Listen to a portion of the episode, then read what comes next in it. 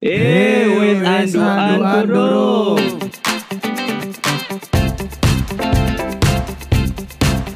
Ya buat semua kita kembali lagi eh, bersama dengan bintang tamu yang luar biasa, Weh. yang melanglang buana. Kon percuma macak ngono gak keto. Iya, suara tok ya. Yono. Lali aku. Ah, bersama seorang Laurels Lengkong. Halo Kong. Halo, halo. Atau Ya, dikenal halo. oleh Adit dan juga Samuel Lengkong Tok. Kau nak Laurel, Laurel sih, atau diceluk Laurel. Kita gak tahu ya Jan ya. Iya ya apa kon diceluk lengkong tok ya? Ya paling gampang. Ket SM, ket KPL lah. Hah? Ket KPL lah. Ket toko, iya toko KPL Lengkong wis. Jenengmu lho wangel Pak Laurel. Ket zaman kalian kalian lemu. Laura ta. Soalnya jenengmu jenengmu itu susah Kong. Gak ada belibet. Yang angel. ya wis gampangnya Lengkong. Soalnya ono S di belakangnya gitu loh, nek Laurel, ngono kan ya wis. Nek ono Laurels, ono S ku makin belibet. Jadi Kong. Nah, Enak. ya paling gampang. Laurel kan daun apa? Daun semanggi. Eh daun apa? Laurel. Makanya. Bo, Bo daun nopo. sing duwe jeneng kowe kok. Kausan aku. Geblek. aduh, aduh. Ya, ya, hari ini kita mau bahas tentang gimana sih eh, orang kalau proses ngelamar kerja. Karena kan eh, posisi aku sama Adit kan posisi di as a business owner. Terus habis itu ini sering banget nerima orang kalau ngelamar tuh wis kalau no unggah-ungguh belas gak masuk. Masuk. Blok. No. Eh, jadi bener-bener yang kayak pure orang tuh bisa cuman ngirim eh, attachment CV doang, nggak ada babi punya. Hmm. Terus CV-nya juga astagfirullah. Gila nih. Hasil forwardan. Jadi sebelumnya dia tahu ngelamar nang A. Terus mari kono di forward A ini tidak dihilangkan. Kepada YTH sih saya rusak belumnya. Nah, goblok. Padahal kayak di tempat kita nih masih gampang ya, kayak prosesnya masih pendek, bukan yang harus ada mengikuti proses yang bermacam-macam. Tapi attitude-nya tuh dari awal dia nggak masuk. Banyak sekali yang kayak begitu. Dan juga bahkan saat interview pun dari awal sudah bilang, saya cuma mau colong ilmunya aja nanti mau buka sendiri. Hei, jujur Goblok Anda. Sudah ngomong di depan, terus ditanyain eh, jeleknya apa langsung diomongkan semua. Ya emang kelakuannya tuh aneh. Nah tapi kalau aku sendiri tuh aku nggak pernah melamar kerjaan di seumur hidupku. Jadi, Kong, gimana sih Kong selama yang pernah kamu eh, lakukan? Kan kamu kan banyak yang di tempat kerjanya kan internasional loh. Hmm. Itu prosesnya itu biaya-biaya sih Kong. Proses itu panjang, Sam. Soalnya, lek kamu dewe ngomong eh, prosesnya seperti apa. Kadang setiap perusahaan kan mereka punya proses yang berbeda, walaupun internasional, sama-sama internasional. Aku airline internasional ada dua. Eh, yang pertama kali itu FAR, itu base-nya di Taiwan.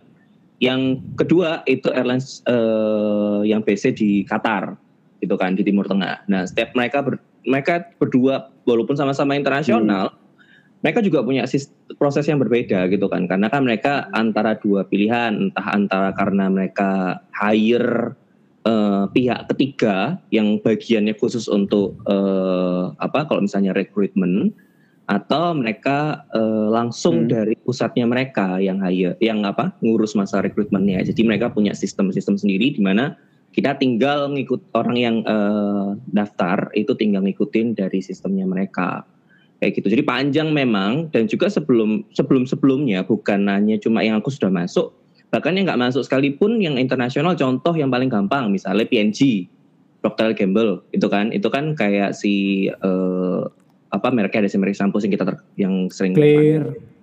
Eh, salah salah head and shoulder. Head and shoulder. Nah, Head and Soldier.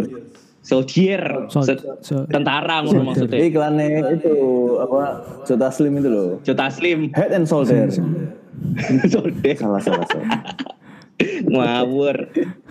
jadi jadi tos Jota Slim ya. Ya, itu salah satu nih. Kalau sing di PNG, Oh, kamu pernah ngelamar PNG ya? pernah waktu pernah ngelamar di PNG. Eh waktu itu aku cuma eh, kurang di interview doang karena waktu itu sudah eh, sudah sampai ke tahap assessment waktu itu malahan. Cuma akhirnya nggak masuk di tahap interview nih gitu. Jadi sebenarnya eh, kalau bilang masalah interview, wah itu panjang kalau mau belajar gitu kan. Karena jujur sebenarnya sampai sekarang pun ketika aku interview sendiri juga aku masih ngelihat kesalahan-kesalahanku sebelum-sebelumnya gitu loh. Soalnya itu cukup apa ya? Kudu ngelihat orangnya yang interview kita sih, gitu. Kalau misalnya kita eh, dapat sama orang interview sing eh, misalnya enak, ya bisa enak. Tapi kalau kadang kita nggak bisa apa ya, kayak nggak bisa kejebak Mendekel. orang yang interview itu orangnya kelihatannya santai. Nah, karena mereka berusaha untuk gimana caranya mereka melihat sisi lainnya orang-orang yang diinterview. Gitu. Misalnya, kamu tahu orang yang interview itu eh, yang interview HRD-nya itu orangnya santai gitu loh. Nah, akhirnya orang-orang yang diinterview mereka jadi kebawa santai. Akhirnya kayak jadi nggak sopan, jadi jadi Hmm, kayak istilahnya kayak meremehkan. Dan akhirnya ya udah orang-orang yang interview HRD-nya akan ngelihat oh ini kayak gini berarti orangnya kayak gini. Ya sudah. Jadi itu jadi penilaian yang bisa dibilang cepat buat mereka. Mereka nggak akan ngambil pusing banyak waktu untuk memikirkanmu untuk masuk di perusahaan mereka. Kayak gitu sih. Aku pernah sampai dibilangin kayak gitu sama HRD waktu itu yang dari Singapura Airlines waktu itu Hmm. sempat Iya iya iya. Ya. Itu berarti biasanya urutannya kayak apa kong ya? Dari kamu eh, ngirim CV kan lamaran, Hmm. Dari awal. awal dari awal awal banget tuh biaya urutannya. dari awal yang paling penting ketika kita baru pertama kali mau masuk ke dunia kerja yang pasti adalah kita harus yang namanya punya namanya CV. CV sendiri itu kita nggak bisa sembarangan gitu kan karena CV itu eh, yang paling penting kita harus tahu dulu CV itu buat apa. CV adalah cara supaya pihak yang merekrut atau yang punya perusahaan itu tahu tentang kita kan. Nah kalau misalnya Hmm. kita kepingin mereka tahu tentang eh, kita seperti apa, kita harus cari cara supaya kita dapat dengan gampangnya mereka langsung wah ini menarik gitu kan. Gini aja contoh lah gitu kan. Kalau misalnya kita punya misalnya LinkedIn gitu kan, kita punya LinkedIn. Eh, contoh dirimu Sam atau Adit in kalian usaha kalian, terus kalian buka nih buka lowongan. Lowongan satu misalnya buat apa? Misalnya desain misalnya. Desain grafis lah yang daftar lihat. Misalnya kita lihat di sana eh, yang view ada sekitar 1000 atau 2000 orang. Yang masuk no ada 1100 nah kalau yang masuk no 1100 gimana caranya kalian bisa ngelihat supaya eh, mana yang mau pilih? Pasti kan nggak mungkin kalian satu orang itu mau liatinnya sampai 10 menit 15 menit pelan-pelan mau liatin nggak mungkin pasti dengan cara gimana supaya kita bisa eh, informasi yang tepat dengan waktu yang singkat. Gitu. Jadi istilahnya kita harus ngasih CV yang eh, CV yang istilahnya eye catching gitu loh. Nah kalau misalnya mau tanya CV eye catching seperti apa gitu loh. Maksudnya kita ada sebenarnya ada banyak eh, apa ya website atau tempat-tempat di mana kita bisa membuat eh, CV itu sendiri. Salah satunya contoh misalnya Canva. Kalian tahu nggak Canva Ya ya ya. benar. BBB. Template lah ya, cari-cari CV lah ya. Heeh, itu gitu platform yang menyebalkan. apa apa Kadang kalau saya ditawar harga desain saya, Heeh. loh kok mahal? Saya buat di Canva bisa. Ya sudah, Anda buat di Canva saja, nggak usah buat di saya. betul betul Kurang ajar. Banding no desainer karo Canva. Betul. Kadang itu memang orang itu kayak istilahnya mereka salah paham gini ya. Maksudnya aku eh, yang aku bilang adalah itu cuma salah satu platform. Tapi sebenarnya aku sendiri aku punya dua, sorry, dua tipe. Tipe CV ku ada dua. CV pertama ini di mana CV itu yang buat aku yang simple. Yang CV ku itu cuma satu halaman. Dan CV yang kedua Hmm. itu CV yang aku punya beberapa halaman. CV yang istilahnya yang benar-benar itu ada deskripsi-deskripsinya buat aku. Kenapa? Karena eh, buat aku CV itu menen- eh, CV yang aku taruh itu menentukan ditentukan sama perusahaan mana yang mau aku taruh. Gitu. Karena Ah, perusahaan Nah, benar. Benar. karena perusahaan mana yang aku mau taruh itu harus lihat misalnya contoh ya misalnya perusahaan eh, yang berhubungan kayak kalian misalnya di eh, misalnya di production house misalnya atau masalah desain kayak gitu nah orang-orang itu pasti ada beberapa. Aku contoh aku lihat dari misalnya dari LinkedIn ya aku lihat tuh mereka ngasih contoh misalnya ada yang eh, fotonya tuh benar-benar hampir setengah halaman.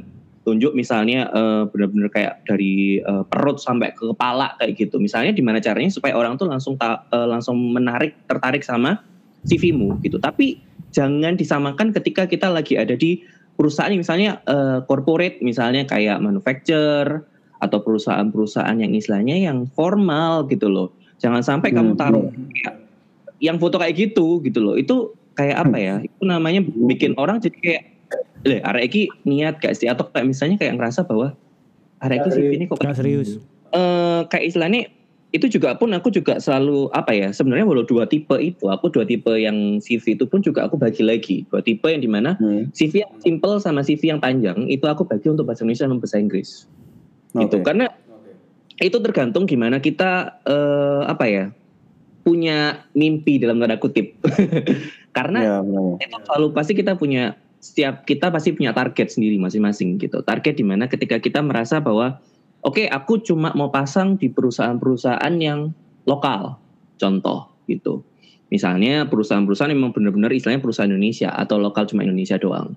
Atau misalnya aku pengen punya eh, pengalaman di perusahaan yang internasional misalnya. Ya gak mungkin toh kamu pasang perusahaan internasional untuk perusahaan bahasa Indonesia Ya, atau misalnya ya. pasang CV yang Jawa. Heeh, Jawa. Ono Coroko, Ono Coroko. Wong Surabaya Ono Coroko. Sam. Lu bro bocone. Kor iku jenenge. Tapi lucu sih. Soalnya eh, waktu itu pernah ada eh, di Qatar, waktu di Qatar, itu Hmm. sampai manajer itu bilang, "Lihat lenta, CV ini loh." Lah, kamu kan harusnya paham. Sampai aku dibilang sama manajerku, "Harusnya kan kita paham toh, kamu mau daftar di perusahaan internasional." Lah kok CV ini bahasa Indonesia gitu loh. Bawa pikir sih Ya, country manajerku yang nanti akan lihat itu ngerti bahasa Indonesia, digituin sama dia. Jadi kayak Harus- sampai ke Harusnya bahasa apa, Rel? Mandarin ya? apa Mandarin? CV-nya. CV Enggak nih, lah. masuk kudu Mandarin. Yuk, tapi tergantung lihat requirement nih. Like misalnya mereka minta eh, Mandarin preferable, ya tulisan bahasa Mandarin loh. Anu, bahasa Qatar, Arab, Arab. Arab, Arab, tapi nggak nggak mesti nggak nggak nggak harus iso kalau Arab itu. Kayak di Qatar, Ya, ya, Tapi ya, ya, ya, ya. kantor ngono tanya ada yang bisa bahasa Arab gak iso.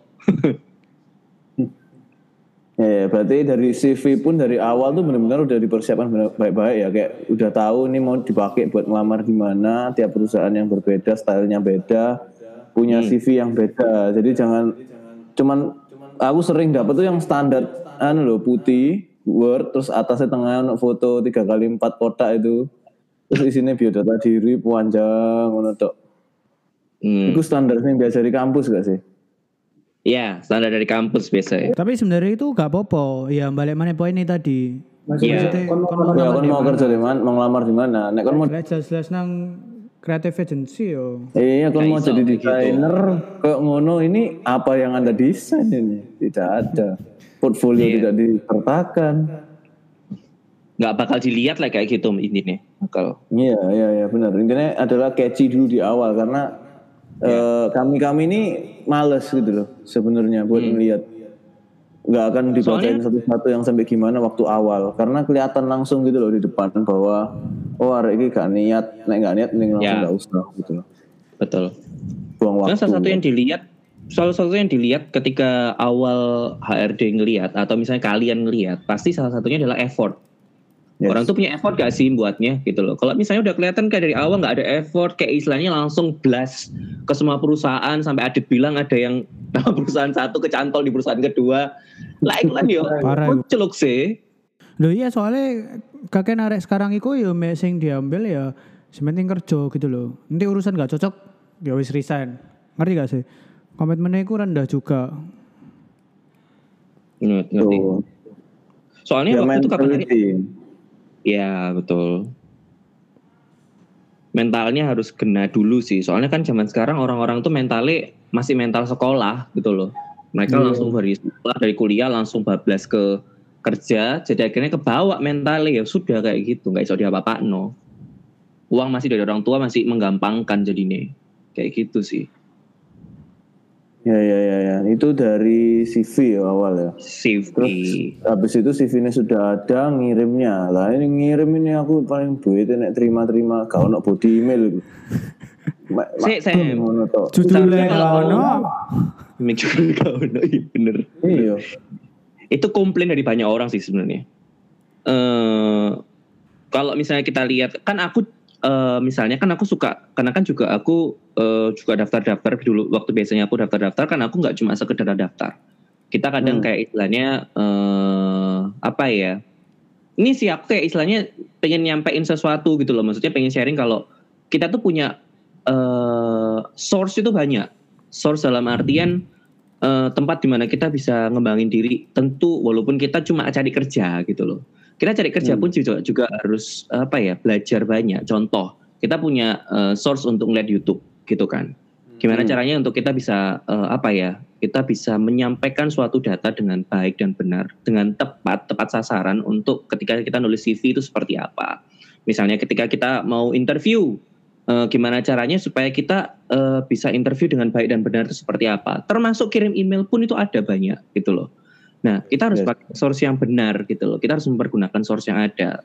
Nah kalau misalnya ada orang-orang yang sekedar cuma asal kirim email, oke, eh, misalnya kita lihat dari WhatsApp gitu kan, WhatsApp story gitu, bilang eh, dibutuhkan graphic design, kirim ke alamat email ini.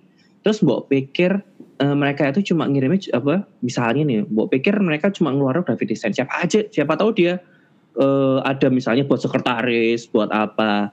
Lah mereka mbok suruh baca emailmu terus suruh ngecekin satu-satu ya kono waktu Hmm. sopo kowe. istilahnya kan kayak gitu Ya benar. Bisa ada kode-kode ini juga toh. Nek misalnya ada sing kodenya mau daftar nomor-nomor ini. ya kalaupun nggak ada Sam kalaupun Hmm. nggak ada kamu dari awal sudah harus dari bahkan dari awal subjek kamu harus tulis misalnya graphic design CV Ya, benar. kayak gitu kamu harus supaya orang tuh langsung tahu ini mereka mau daftar di apa itu yang paling penting sih sebenarnya Mm-mm, benar.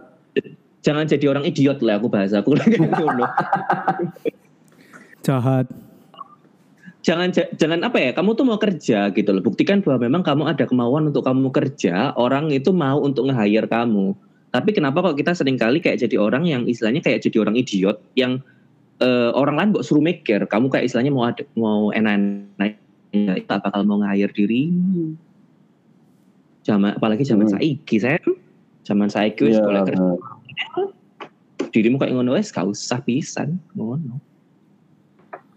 Iya karena ya itu jengkel no ya Dit. kan pernah terima berapa banyak sih yang memang dari email JWS ke sampah 70 persen. gameplay itu kayak eh, di atas 50 persen itu pasti Bak- bahkan ada sing koyo lali ngelamar nang banggoniku. Iya soalnya main di belas saya pokoknya dapat ono lowongan apa tawon belum kabeh Bodohnya. Tadadadad, pokoknya pokoknya ngelamar terus ya wis gak jelas tapi main pin tapi gitu-gitu main pinter loh Sam maksudku gini Hmm. kalian kan belum pernah belum pernah jadi seorang employee kalian kan biasanya kan jadi employer kalian yang mau memberi kerja Pernah do, aku aku pernah jadi karyawan, Bro. Tiga perusahaan aku malah. di kok perusahaan nasihat tapi maksudku Maksudnya beda, lah SM kan dari awal. Aku kan kerja mbak orang. sempet ya dulu ya Sempat. Cuma ya itu selalu diajak gitu loh, nggak pernah ngelamar. Ya soalnya itu di Sam Eh, kadang kalau kita tuh sendiri juga apa ya aku tuh eh, kan dari awal kan eh, juga belajar juga dari awal. Bersyukurnya adalah waktu aku dulu pertama kali masuk kerja itu eh, langsung di kampus. Pas itu di Petra aku bersyukur eh, si apa namanya dosen Mem Fuji atau Mem Sam masih ngerti? Tau eh, mereka tiba-tiba itu nawarin rel kilo FAR gitu no. Eh, mereka mau datang ke sini buat eh, nginterview. Mereka butuh pegawai gitu no. Ya udah kamu langsung perinan nanti eh, interview di situ. Nah bersyukurnya adalah yang pertama aku nggak perlu kirim email atau aku daftar secara online yang pertama. Jadi langsung tiba-tiba orangnya datang manajer sama senior buat langsung interview di kantor, di kantor uh, jurusan waktu itu. Nah tapi kalau misalnya waktu itu yang waktu aku masuk ke perusahaan ketiga itu aku tuh benar-benar waktu habis dari perusahaan kedua benar-benar hampir hopeless karena nggak dapat dapat kerjaan. Karena walaupun aku tuh benar-benar aku tuh benar-benar kayak mendetail untuk masalah CV-ku, masalah email, masalah apa, tapi tetap aja itu pun kalau sudah angel sudah angel. Tapi bersyukurnya adalah waktu itu aku ke telepon di telepon waktu sama Qatar Singapura itu aku digini loh. Hmm. uh, halo Laurel uh, this is Michelle aku sama ingat namanya Michelle waktu itu. Uh, this is Michelle from Singapura Qatar uh, ditanyain kamu sudah pernah kamu pernah aku pernah mendaftar di Qatar jadi uh, di Jakarta ya dibilang kayak gitu aku ingin nih Sam pernah hmm. oh dalam hati ya pernah nggak ya? Cuma aku bilang kayak gini, yeah yes that's correct. aku modal dalam hatiku, aku pernah daftar nggak? Iyo. Saking lali nih kun. Saking saking akeh nih sungguhan.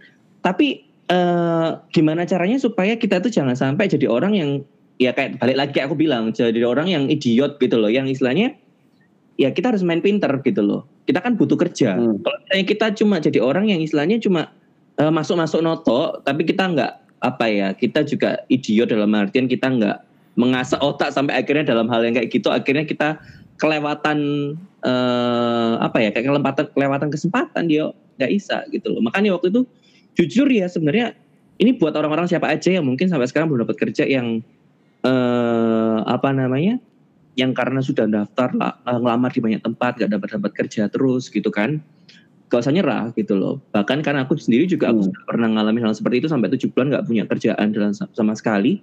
Yang benar-benar kayak istilahnya rasanya komputerku tuh penuh sama CV semua. Bahkan dari dari uh, jam uh, mau daftar jadi manajer, bahkan jadi sales promotion boy sudah tak masuk semua Sam. Sampai akhirnya nggak tahu hmm. kenapa. Sampai satu titik waktu itu sudah sampai tujuh bulan. Pas tujuh bulannya itu adalah di Desember 2018 kemarin. Itu aku tuh tiba-tiba ada telepon nomornya nomor aku nggak ngerti plus 61 aku aku lali lah itu nomor Singapura uh, Singapura ya 61 kan ya nah hmm. waktu itu uh, di telepon gitu waktu di telepon aku sampai hmm, bener-bener saking apa ya excited sampai aku sendiri juga akhirnya lupa kalau aku pernah daftar di SIA gitu loh jadi istilahnya apa ya buat aku aku selalu catat sebenarnya jujur sih aku pengen semua orang tuh kayak buatlah satu file folder sendiri ketika kamu daftar di mana aja karena ketika kamu daftar, mungkin kamu akan ngeblas banyak tempat. Tapi kamu harus tahu, jangan sampai kamu ngeblas kamu dewi lali. Gitu sih. Bukan ya, berarti ya. istilahnya asal ngeblas gitu loh. Tapi kamu harus tahu juga. Kamu bisa ngetrack gitu lah. Kalau kamu memang sudah pernah daftar, ya kamu bisa ngecek lagi ketika kamu ada email atau kamu ada telepon gitu sih gitu loh. Bukan berarti hmm. kadang orang yang ngeblas karena jujur ya aku aku berita kan uh, di tahap kedua setelah prepare CV itu uh, pemilihan untuk company pemilihan company yeah. sendiri pun juga kita harus selain melihat uh, eh, tentang kompetensinya kita, kita punya apa aja gitu loh. Yang kedua tentang requirement ya. Perusahaan itu butuh orang-orang yang hmm. seperti apa. Misalnya S1, bisa bahasa Mandarin, bisa bahasa Inggris, atau yang terakhir itu uh, sesuai sama passion nggak gitu loh. Kalau misalnya kamu milih asalkan cuma asal-asal, tapi nanti akhirnya uh, misalnya kamu eh ternyata nggak cocok terus kamu keluar baru tiga bulan keluar. Ya kan? Tapi tapi aku against itu sih Rals ya kita nggak harus kerja sesuai passion sih karena karena nggak semua orang punya pilihan itu. Betul. Cuma ya asal kudu hati-hati. Iya sih. Maksudnya komitmen gitu loh. Jadi pokoknya intinya adalah selain passion itu tak kasih tanda uh, garis miring. Garis miringnya adalah urgency. Urgency maksudku adalah uh, sepenting apa? Sebagai contoh misalnya kayak gini gitu loh zaman-zaman kayak gini. Nggak oh no airlines yang buka. Sesuai passionku airline.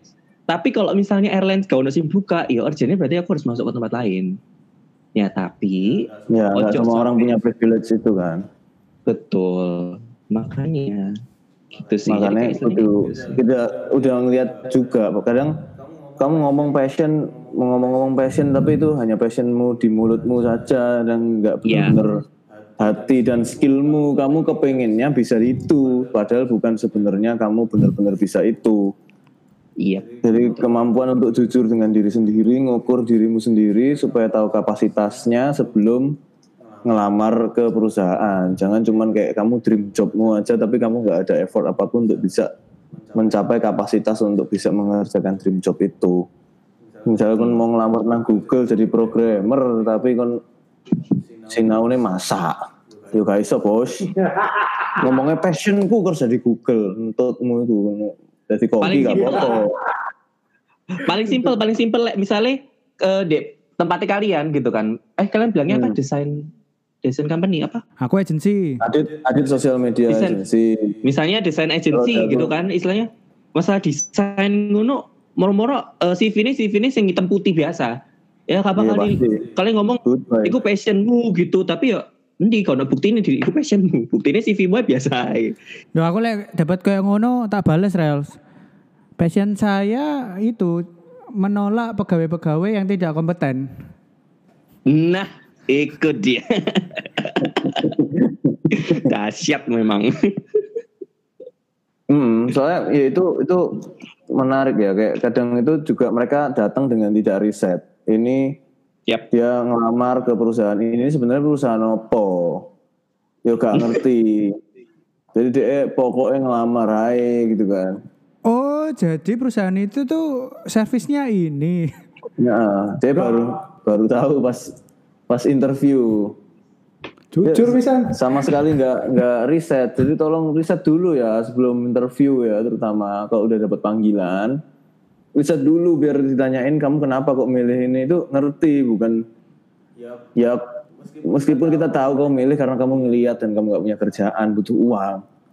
Tapi tolong kamu ya tolong karena kalau buat aku ya aku Ya. kalau sudah ngelihat bahwa ini yang ngelamar hanya pengen cari uang aku nggak akan terima Soalnya aku cari orang yang pengen bekerja. Ketika kamu bekerja itu kamu do something dan kamu akan get something. Tapi kalau kamu cari uang, makin kamu nggak ngapa-ngapain, makin seneng karena gajimu tetap.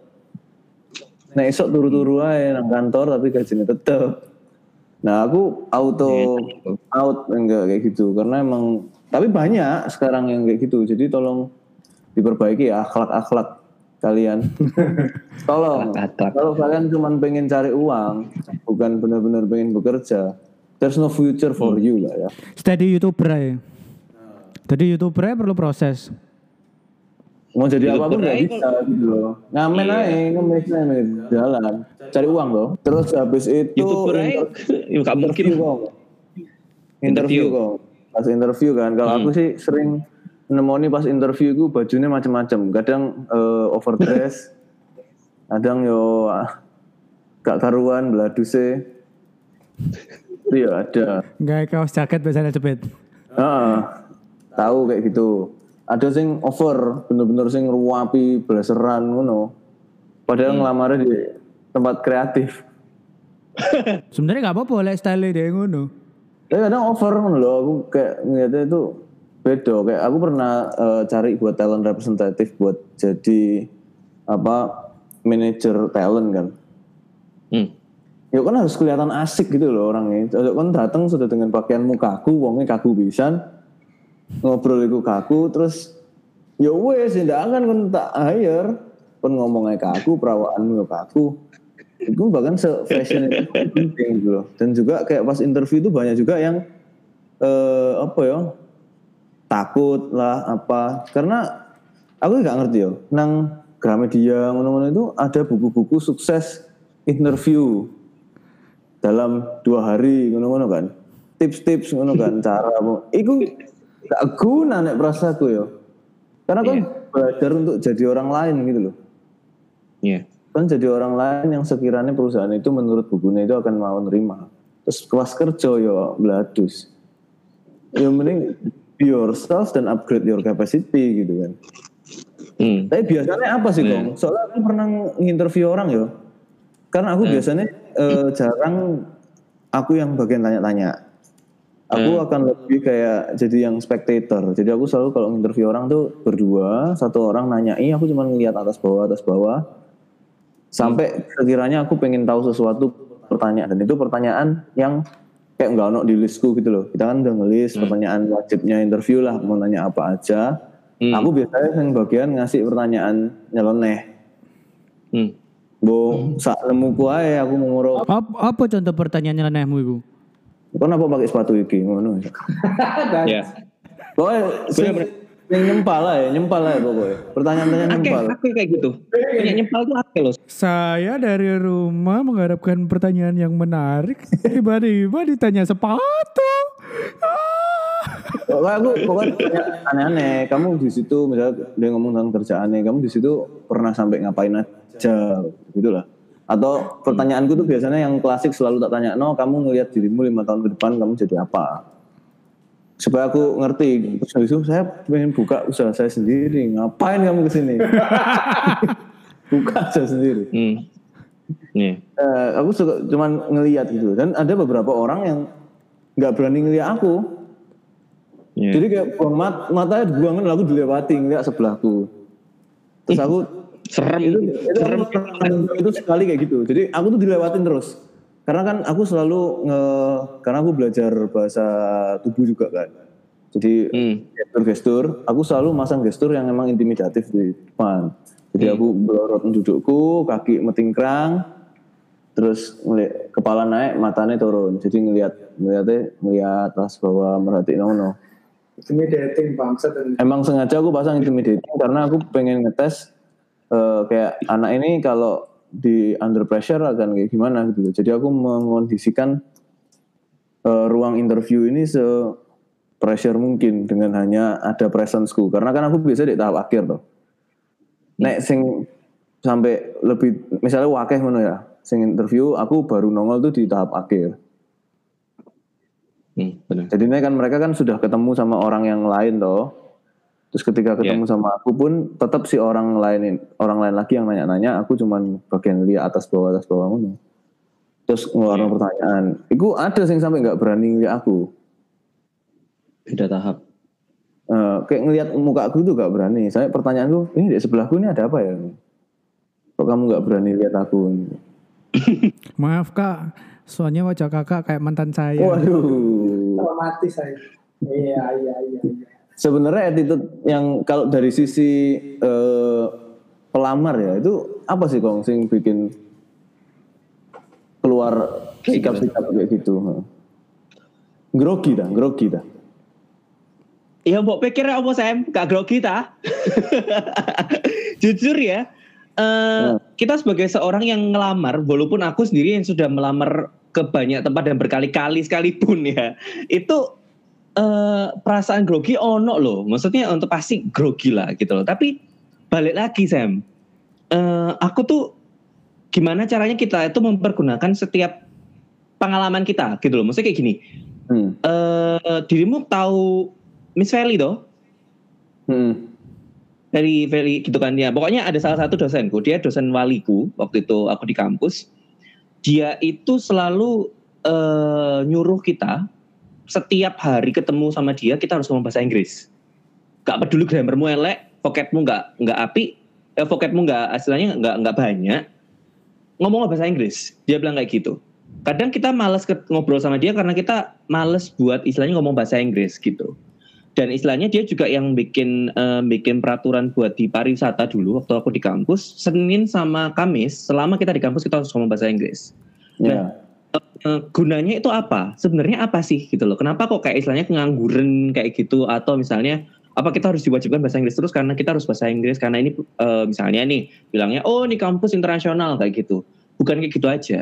Yang dia mau waktu itu sempat dia eh, waktu itu kita lagi ada eh, in- apa ya kayak ujian secara lisan dia tuh ngomong kayak gini apa sih mauku aku kenapa kok aku eh, nyuruh kalian buat ngomong bahasa Inggris terus sama aku dia bilang kayak gitu karena percuma kamu punya grammarmu 100 vocabmu juga kamu bisa banyak vocabularies gitu kan tapi Hmm. kamu nggak punya kamu nggak punya keberanian untuk kamu ngomong nol gitu no istilahnya eh, ketika kita punya kesempatan untuk belajar untuk punya komunitas contoh ya kita punya komunitas di gereja gitu kan kayak di reshoot gitu Hmm. misalnya punya komunitas untuk gimana kita kumpul-kumpul sama mereka kita gimana caranya membangun apa ya kita membangun relasi sama orang di mana ketika kita ngobrol sama orang kita bisa dengan mudah ngalir gitu loh. Misalnya di mana ketika kita eh, ketemu sama orang baru kita nggak takut-takutan lagi nggak. Di mana ketika kita ngelihat orang yang apa ya belum pernah kita ketemu kita ngelihatnya cuma ke lantai terus nggak Hmm. berani buat eh, eye to eye gitu loh nggak eye contact.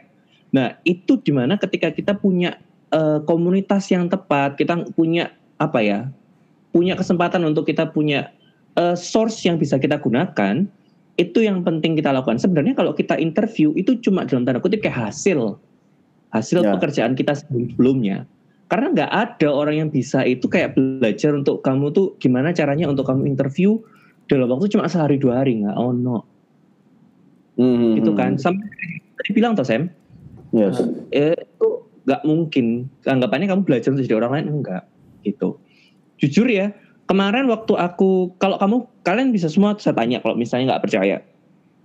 Waktu aku tuh dua kali di interviewku yang di airlines yang pertama sama yang ketiga perusahaanku ini aku selalu dapat interview yang paling lama. Bisa sampai Hmm. 45 menit. Kenapa? Karena nggak tahu kenapa kayak istilahnya kayak ngalir aja gitu loh. Bahkan sama orang-orang yang interview aku mereka selalu ngalir aja ngomong panjang lebar. Bahkan yang di Qatar mereka malah Hmm. malah bahasnya apa mereka malah bahas ketika aku sempet mm, eh, mention masalah aku pernah mau kepingin tinggal di Taiwan. Dulu banget. Kenapa sih? Gitu loh dicerita terus. Emang kamu mau soalnya kebetulan manajer yang eh, nginterview aku yang buat interview pertama dia itu mau tinggal ke Belanda karena pacarnya di Belanda. Hmm. gitu. Jadi istilahnya kayak istilahnya dia kepingin tahu gitulah kalau eh, misalnya tentang eh, kenapa kok kamu pengen kayak gini. Terus aku pernah sampai pengen tahu sudah sampai aku tanya-tanya masalah em, di sana di imigrasinya di Taiwan waktu itu buat masalah apa aja yang diperlukan dan lain sebagainya. Pernah sampai kayak gitu sampai akhirnya 45 menit bahkan lebih lama daripada lima orang yang lainnya yang interview waktu itu. Yang pertama bahas masalah banyak hal gitu loh. Karena yang paling penting ketika kita takut apa berusahalah untuk kita tenangin diri gitu kan? Hmm. siapin pertama siapin air itu yang pasti. Siapin air Ya. air putih misalnya. Air putih untuk kita bisa minum gitu. Yang kedua cari pakaian yang buat kalian nyaman. Tapi nyaman bukan berarti sakar PDW gitu loh. Nyaman harus sesuai sama di mana kamu naruh CV atau di mana view. Ya kayak si kamu bilang sih Sam kamu Hmm. mau jadi kayak eh, misalnya kamu bagian eh, officer talent misalnya talent di satu misalnya contoh lah ini lagi banyak yang kuliah misalnya TikTok lah TikTok tuh banyak Hmm. banget yang buka masalah talent talent misalnya orang yang supervisor atau apa gitu nah kalau kamu berada di eh, mau masuk perusahaan kayak gitu kamu masuk pakainya kamu pakai jas kamu pakai kemeja dasian ora nggak kayak gitu Hmm. juga gitu loh belajar untuk kamu bisa apa ya itu yang namanya ketika kita punya effort untuk kita research Yes.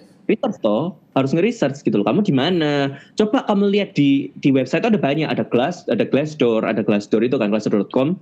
Di situ mereka akan punya banyak banget kayak istilahnya kamu di perusahaan apa, perusahaan A gini gini. Ternyata sudah ada yang eh, bikin review nih. Kalau kamu mau interview eh, prosesnya seperti apa, harus pakai bajunya seperti apa. Itu nanti akan ada ada seperti coba research. Oh, itu gitu. ada websitenya yang nyiapin itu semua sebenarnya. Bang. Bukan eh, apa ya? Itu bukan Ada reviewnya kayak apa? reviewnya. Review singkat-singkat misalnya perusahaan A itu ini, Hmm. Kamu B Sudah ada yang rangkum. no gitu. Bener.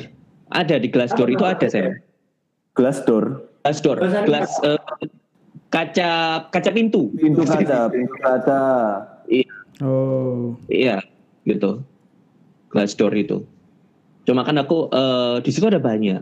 Kayak gitu kan kamu bisa belajar di situ. Misalnya contoh kamu kepingin tahu eh environment eh, situasi untuk kantornya seperti apa itu ada di situ. Mereka akan tulis secara walaupun Hmm. ada orang yang mau nulis nama, ada yang eh, anonim lah gitu loh, nggak nggak mau Ya. nulis nama. Berarti sekarang emang gampang ya? gampang gitu. Kamu kepingin eh, apa ya?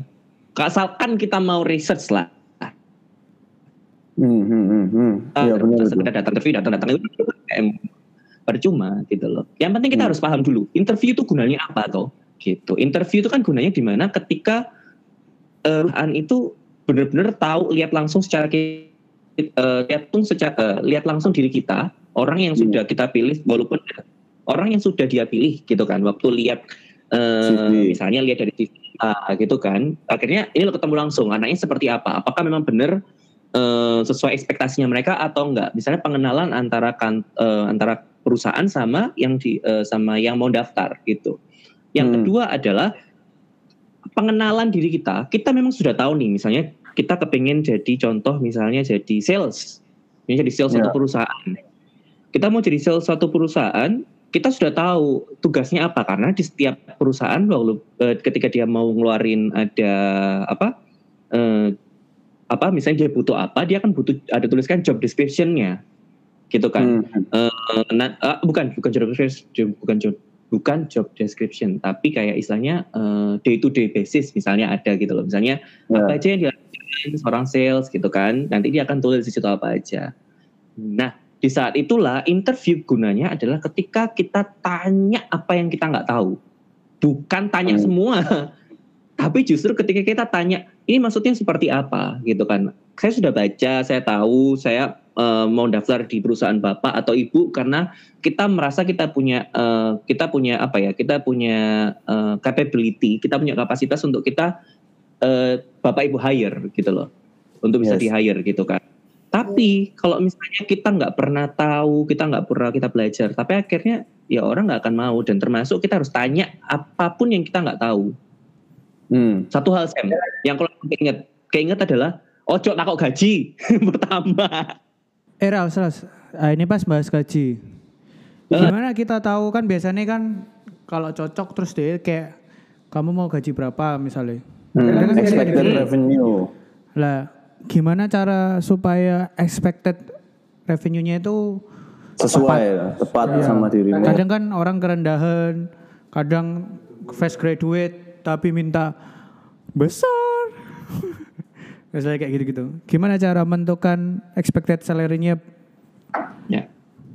Kalau mau menentukan expected salary, buat kita adalah bisa buat aku ya secara personal ya. Aku punya expected salary yang berbeda di setiap eh, eh, Perusahaan. perusahaan yang aku mau kasih, aku mau taruh gitu. Ketika mereka nggak tanya, aku nggak akan sebutkan. Aku mau gaji berapa. Hmm. Karena waktu itu sempat aku di perusahaan pertama, bosku tuh sempat ngomong, kenapa kok aku nggak milih temenmu? Karena dia dari awal sudah langsung ngomong masalah mau gaji berapa. Gaji. Lah kon sopo, aku juga belum milih kamu kok kenapa kamu ngomong masalah gaji? Langsung sama dia langsung coret. Dan kalau misalnya balik lagi ke pertanyaan si Adit, berapa expected salary yang harusnya kita eh, apa ya, Enggak, istilahnya yang kita kasihkan gitu kan sama diri kita ketika kita ditanyain gitu kan. Itu balik lagi masalah research Dit. Kita harus tahu Hmm. pasarannya Tahu. sales di hotel itu berapa? Average-nya berapa? Iya, untuk job itu. Nah, kalau misalnya kita tahu average-nya berapa, kita baru berbandingan sama diri kita sendiri. Apakah kita punya pengalaman? Itu yang pertama. Hmm. Pengalaman, misalnya kita ada dua pertanyaan nih, eh, bukan dua pertanyaan. Kalau kita punya pengalaman, itu kita harus bagi lagi jadi dua. Yes or no. Kalau misalnya kita nggak punya pengalaman, jangan mengharapkan ekspektasi lebih daripada gaji yang di, ada average-nya itu Ya. gitu. Kalaupun kamu bilang kamu ada pengalaman, oke, pengalamannya berapa lama? Apakah kamu memang sudah sejago itu untuk kamu bisa dibilang kamu orang berpengalaman dan kamu minta expect, expected salary yang tinggi banget? Atau bahkan yang minta bahkan kamu harus bisa mempertanggungjawabkan 500 ribu eh, gaji yang lebih tinggi dibanding daripada average itu. Karena kan nggak mungkin kan perusahaan memiliki apa ya ngasih ngasih budget di- lebih daripada eh, yang dia budgetkan kalau kamu nggak punya apa-apa yang bisa mereka ambil gitu loh Hmm. gitu sih jadi kita harus paham dulu apakah kita punya pengalaman atau enggak ketika kita punya pengalaman berarti kita harus lihat apakah pengalaman kita itu cukup untuk buat perusahaan itu eh, apa namanya nggak menyesal untuk meng-hire kita atau ketika kita nggak punya pun apakah kita punya apa ya punya hal yang di mana si company itu atau perusahaan itu eh bakalan mau walaupun kita nggak punya pengalaman ngono Iya, kadang ada juga yang lempar balik sih kayak dari bapak budgetnya berapa? nah, Oh, itu sing ngelamar. Iya. Ada orang yang Tahu mau aku juga tahu. Oh, bola. tapi dirimu ya apa Sam? Menurutmu gimana? Kalau aku aku sih pasti tak dedes sampai keluar angka tetap. Karena aku Tetap yang penting bilang angka Iya, karena aku bukan pengen tahu aku bakal gaji dia berapa sebenarnya. Karena aku sudah tahu aku cuman pengen gaji dia berapa. Maksudnya aku kan selalu ketika open kan aku sudah punya aku punya headcount-nya berapa duit kan. Tapi aku pengen tahu sebenarnya ini dari apa yang kita sudah obrol dari tadi. Hmm. Aku apa dari apa yang aku dapat tadi dia menghargai dirinya itu berapa gitu loh. Karena kalau dia menghargai dirinya jauh di atas apa yang dia bisa sebenarnya, ya wis kelihatan dari tadi ini bullshit semua. Ya betul. Dari tadi gua ngomong kosong, nggak ada bukti nih. Kalau dia menghargai dirinya terlalu jauh. Hmm. Tapi lah misalnya biasa iku ngene. Ono sing terlalu over, tapi ono sing terlalu under. Saya suka ketemu yang begitu. Aku sih jujur jarang sih ketemu yang terlalu under. oh, aku beberapa kali. Jadi misalnya bayanganku misalnya 10 juta. Dia gue bisa kayak separuh ya. Ngeri. Sok separuh ya. Separuh. Contoh, Padahal contoh, dia contoh. garapannya api, gimana ya? garapannya api. Misalnya yang apa gini lah gampang ya. Misalnya 4 juta. Dia gue bisa kayak mek dua setengah. Hmm. Ayo. Nah, Parah sih. kalau kamu dari sisi employer itu gimana, Dit? Eh, saya ini berarti sebagai yang pemilik ya. Employer apa employee? Eh employer toh, employer toh. Eh, ya aku akan ngasih budget sesuai dengan kapabilitasnya ya. Ya kita kan emang mesti bisa ada budgetnya. Hmm. Hmm. Cuma aku sebenarnya seneng sih lah ada orang sing sing misalnya kayak dia ngerti kapabilitasnya, terus dia kayak ngasih apa eh, harga yang lebih tinggi titik gitu loh. Hmm. Hmm. Tapi dia tahu reasonnya. Kakek itu orang soalnya kayak ngasih harga sing lebih tinggi dari yang tak tawarkan. Tapi terus aku tanya, apa aku ngasih harus ngasih harga segitu? Terus dia bilang, hah? Gak jelas. Gak jelas kan loh Nah, jawabannya. ya. Kan selalu nawar di depan tuh. Kan ngomong aku Enggak, mau gaji enggak tuh, kan tanya tuh. A- tapi kan ada beberapa sing kenal, terus aku harus ngomong di depan, Nah, gitu. Jadi supaya ya eh, nyambung aja. Lah enggak ya kadang ya dia sing nawarno. Enggak mesti sih. hmm. Tergantung kedekatan itu. Lek cedek ya aku langsung bilang, Angka. Aku main duit duit sama ini kon gelem boga. eh kira-kira sak gini sih uangnya. Gak duit duit sak ngono. Duduk ngono kalimat. Ngapur, itu. sumpah. Eh, enggak. Tapi terus rodok tinggi deh. Terus aku takut apa oh gitu. Soalnya gini gini gini gini gini make sense. Ya wes, deal. Hmm. Kayak ngono sih. Maksudnya nggak apa-apa sih aku sebenarnya orang dia lebih dari budget.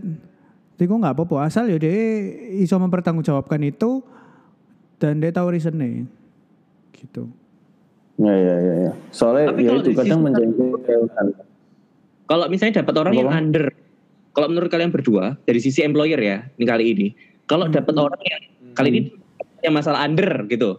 Nah, menurutmu orang yang ngasih budget under diri mereka itu kalian bakal terima atau enggak? Aku aku ngeliat bacaanku dulu. Jadi aku sudah ngebaca RE kan dulu Hmm. aku kuliah kan belajar nek aku dalam waktu lima menit aku harus bisa menilai kepribadiannya orang. Ya kan. Jadi aku udah ngebaca dulu. Nek memang sakjane arek ini emang apian aja. Maksudnya ada tuh orang sing emang ya karena dia apian aja, nggak gelem lama arek slow, Nah, kayak nggak berani aja. Biasanya pertama-pertama aja, pertama. Terus Kakek kakek nggak berani sih biasanya. Ya karena nggak berani nyebut angka gede, sebenarnya dia punya skill dan sakjane arek ini api. hmm. Aku akan seneng soalnya apa? Aku tetap ngawari dia angka sesuai budgetku. Ya. Meskipun dia sebenarnya mintanya di bawah. Hmm. Tapi aku gini, kamu tak kasih segini, tapi aku minta tolong kamu kasih aku sing the best of you gitu. Hmm. Kita mau garap ini bareng-bareng. Jadi nih ketika di dia, dia nih bersyukur banget terima lebih dari yang dia expect dan dia bakal ngasih lebih juga Lebih. Ya. buat kerja ini. Tuh, soalnya nek, mek, oh ya wes alhamdulillah, sak bayar murah aja terus, ya wes ngono. Sesuai sambat ya metu pisan, karena ya kita mesti appreciate juga lah. Kalau memang kerjanya bagus ya Iya. semua mesti ada rewardnya. Tapi lah aku beda sih. Lah aku biasanya tak naik titik, tapi kayak ada perjanjian misalnya. Kayak misalnya dua, bulan kedua atau bulan ketiga terus kamu naik sesuai budgetku. Soalnya kadang kan ya nggak ngerti ya kita. Maksudnya kayak dia ngasih under, ngerti gak sih?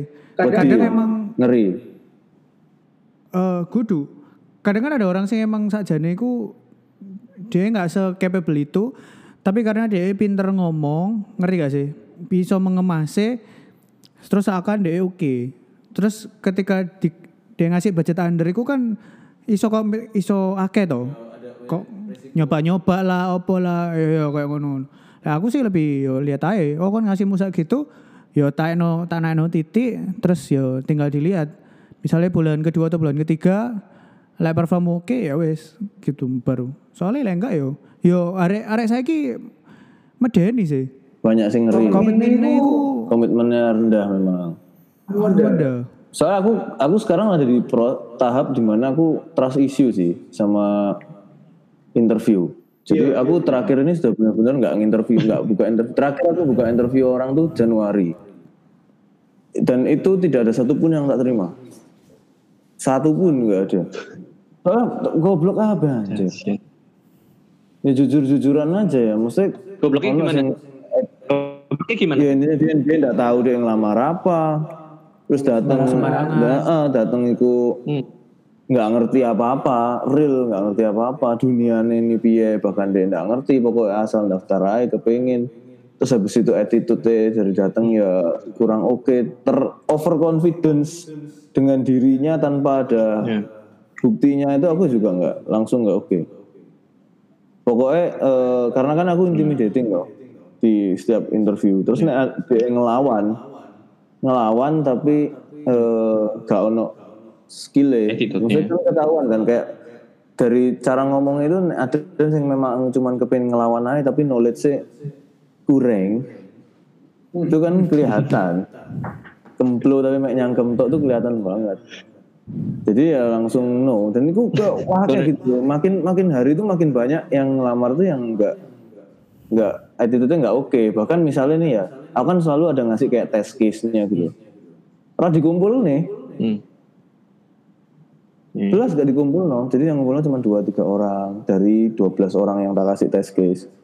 Padahal sudah interview sudah ngomong terus orangnya sing kabur nggak ono kabar.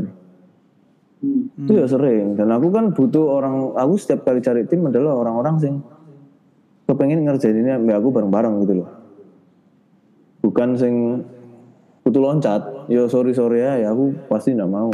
Ya. Kan lompat-lompat buat peningkatan karir pindah sini pengalamanmu akeh pindah-pindah tapi kon hanya kepengen masuk tok tanpa bener-bener do something ya memang ini gak usah. Dan itu banyak. Jadi aku terisu akhirnya aku eh, lebih baik investku sendiri. Jadi aku ya aku farming ke kampus kenal orang cari arah bawah siapa yang potensial boleh nongkrong sama aku nyangkruk mbak aku.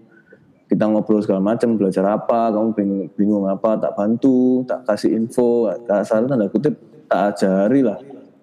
Dan itu menurutku kayak investasi jangka panjang. Nantinya ketika dia jadi orang dia jadi orang sing salah satu yang menonjol di kampusnya ya aku bisa dapat orang yang loyal. Karena dia tahu di awal aku bantuin dia Ya. jadi ini loyalitas dan komitmennya jauh lebih terjaga lah. itu yang susah tak dapetin kalau aku interview orang zaman sekarang ya. Karena sing teko ampas ampas. Hmm. kayak bener-bener hoki ngono lho nek misalnya kon interview iso bener-bener dapat ono sitok ae sing oke ngono iku sekarang wis siku juarang pol. Hidden gem wis. Ngono sih.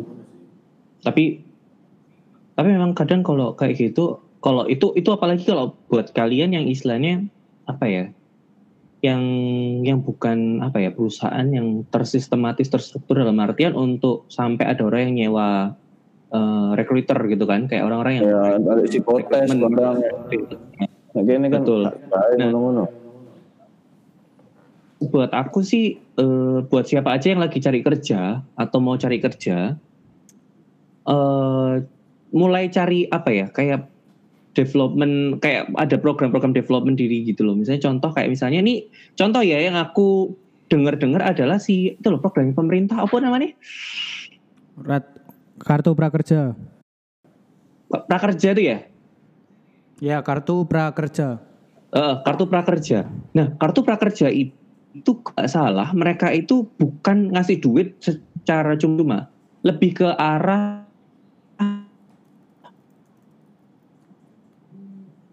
ada kayak itu loh, kayak ada les dit sem. Jadi Iya, mereka iya. akan membagi apakah kamu nanti lebih tertarik ke arah lebih ke arah HRD, ke marketing, sosial media itu ada semua. Nah, eh, buat siapa pun yang lagi cari kerja, kalian merasa kalian merasa kurang, better cari yang kayak gitu. Kalau misalnya kalian nggak punya duit untuk eh, cari les-lesan untuk mengerti masalah marketing dan lain sebagainya, ada sekarang namanya kartu prakerja itu. Kalian bisa secara online, di situ nanti akan ada tes selama kalau nggak salah tiga bulan. Eh, istilahnya kalian akan eh, dapat dapat pembelajaran yang perus- eh, di departemen mana yang kalian lebih suka di situ. Makanya jadi Hmm. kalau siapa pun yang lagi mau cari kerja, better eh, develop diri kalian dulu. deh, Develop gitu. diri dulu lah ya. Ya soalnya maksudnya zaman sekarang ini nggak ada alasan lah. Kayak nggak ngerti apa, nggak ngerti apa. Iku ku maksudnya kau iso ngerti artis yang meteng dhisik sopo sak gorongnya kawin gitu. Maksudnya apa meneh kerjaan gitu loh. Ada banyak hal platform sing kono iso belajar. Bahkan TikTok lah sing ketokane remeh. Tapi kon iso nemu akun-akun sing iso mengajarkan kita kayak hal gitu loh. Jadi kayak ya itu tergantung orangnya juga sih. Ya itu yang mesti ditanemin buat kalian-kalian yang eh, lagi cari kerja juga benar-benar Iya. develop dirimu jadilah orang yang sesuai dengan ekspektasimu dulu kan mesti jadi orang yang oke dulu baru kan bisa dapat kerjaan yang oke jangan minta kamu pengen gajimu gede tapi kamu dewi pun belum punya kapasitas untuk digaji segitu juga dan itu pengaruh banget eh, di interview itu kelihatan apalagi kalau yang perusahaan-perusahaan yang ada masih ada psikotesnya lagi Nah itu akan lebih kelihatan lagi dari hasil psikotesnya itu kamu orangnya kayak gimana. Ternyata di psikotes tidak sakit jiwa, wo. Waduh. Ternyata psikopat. Psikotesnya psiko ngawur parah gue jenenge Atau kan psikotes gak lulus, ditolak gak lulus psikotes. di blacklist. Atau kalau enggak, misalnya psikotes sudah ketahuan nih kriterianya gimana, tapi pas di interview beda. Iya itu itu makanya jadi orang lain kan. Serem sih. Satunya dia Iya. jadi- menjadi orang lain loh. Makanya better eh, mulai develop diri sendiri. Termasuk ketika kita lagi kayak eh, punya konco gitu kan, punya teman-teman gitu kan. Hmm. eh, gimana caranya kita ngambil dalam tanda kutip kayak kita tuh belajar untuk ngambil apa ya kayak pengembangan diri dulu aja gitu. Jangan cuma sekedar kita ngumpul-ngumpul nggak jelas apa ya sudah mulai saatnya kita kayak beda punya pola pikir yang berbeda buat siapa orang yang lagi mau cari kerja atau bahkan kita lagi sekolah lagi kuliah mulailah untuk belajar jadi pribadi kayak ngembangin diri dulu lah gitu loh gimana caranya supaya kita jadi belajar untuk punya Hmm, attitude yang yes, benar gitu kan karena attitude itu nggak bisa dipelajari dalam waktu singkat. Attitude itu dari seumur hidupmu, apa yang kamu lakukan itu akan tercermin sampai kamu akhir.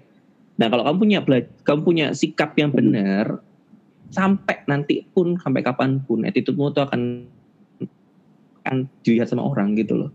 Ya kamu bisa aja nggak dapat kerja terus-terusan, dapat pun mungkin kamu dapat perusahaan yang biasa-biasa aja. Gitu, Hmm. maksudnya nggak sesuai sama yang kamu inginkan gitu sih. Oh no. Ya ya ya ya.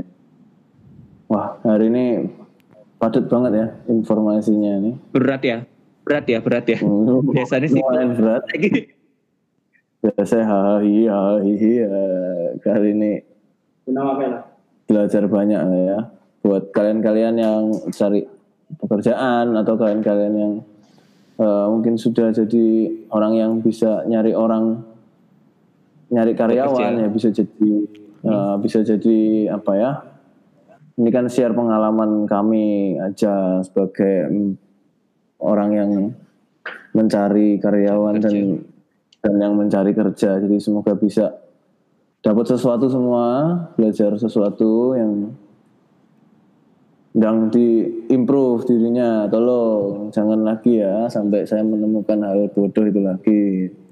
Tolong tolong ya. yang mau ngelamar-ngelamar, tolong perhatikan.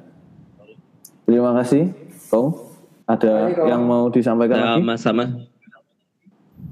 Hmm, terakhir, Yo, monggo. Eh, terakhir aku eh, mau disampaikan adalah apa ya yang paling penting selain daripada untuk eh, personal development untuk kita bisa mengembangkan diri sendiri yang paling penting jangan jangan lupa gitu kan di sini orang Kristen semua jadi eh, eh, banyak gitu kan karena eh, secara umum sebelum pandemik aja kita udah susah cari kerja Eh, apalagi kalau misalnya sudah pandemik ini pasti sudah lebih susah lagi untuk gimana kita cari kerja tapi yang paling penting doa berserah sama Tuhan, terserah Tuhan mau kasih yang di mana. Yang paling penting kita lakukan tugas sebagian kita terlebih dahulu, biar nanti Tuhan yang nanti kasih mana yang paling terbaik. Gitu sih. Biar Yes. terserah eh, Tuhan itu pasti punya rencana yang ter- terbaik buat setiap kita gitu. Jadi percaya jangan sampai sedih, eh, jangan sampai drop down duluan. Yang paling penting terus semangat, ceria terus, cari peng- eh, cari komunitas yang bisa buat kalian bisa merasa diterima dan bisa lebih baik lagi dalam kehidupan kalian.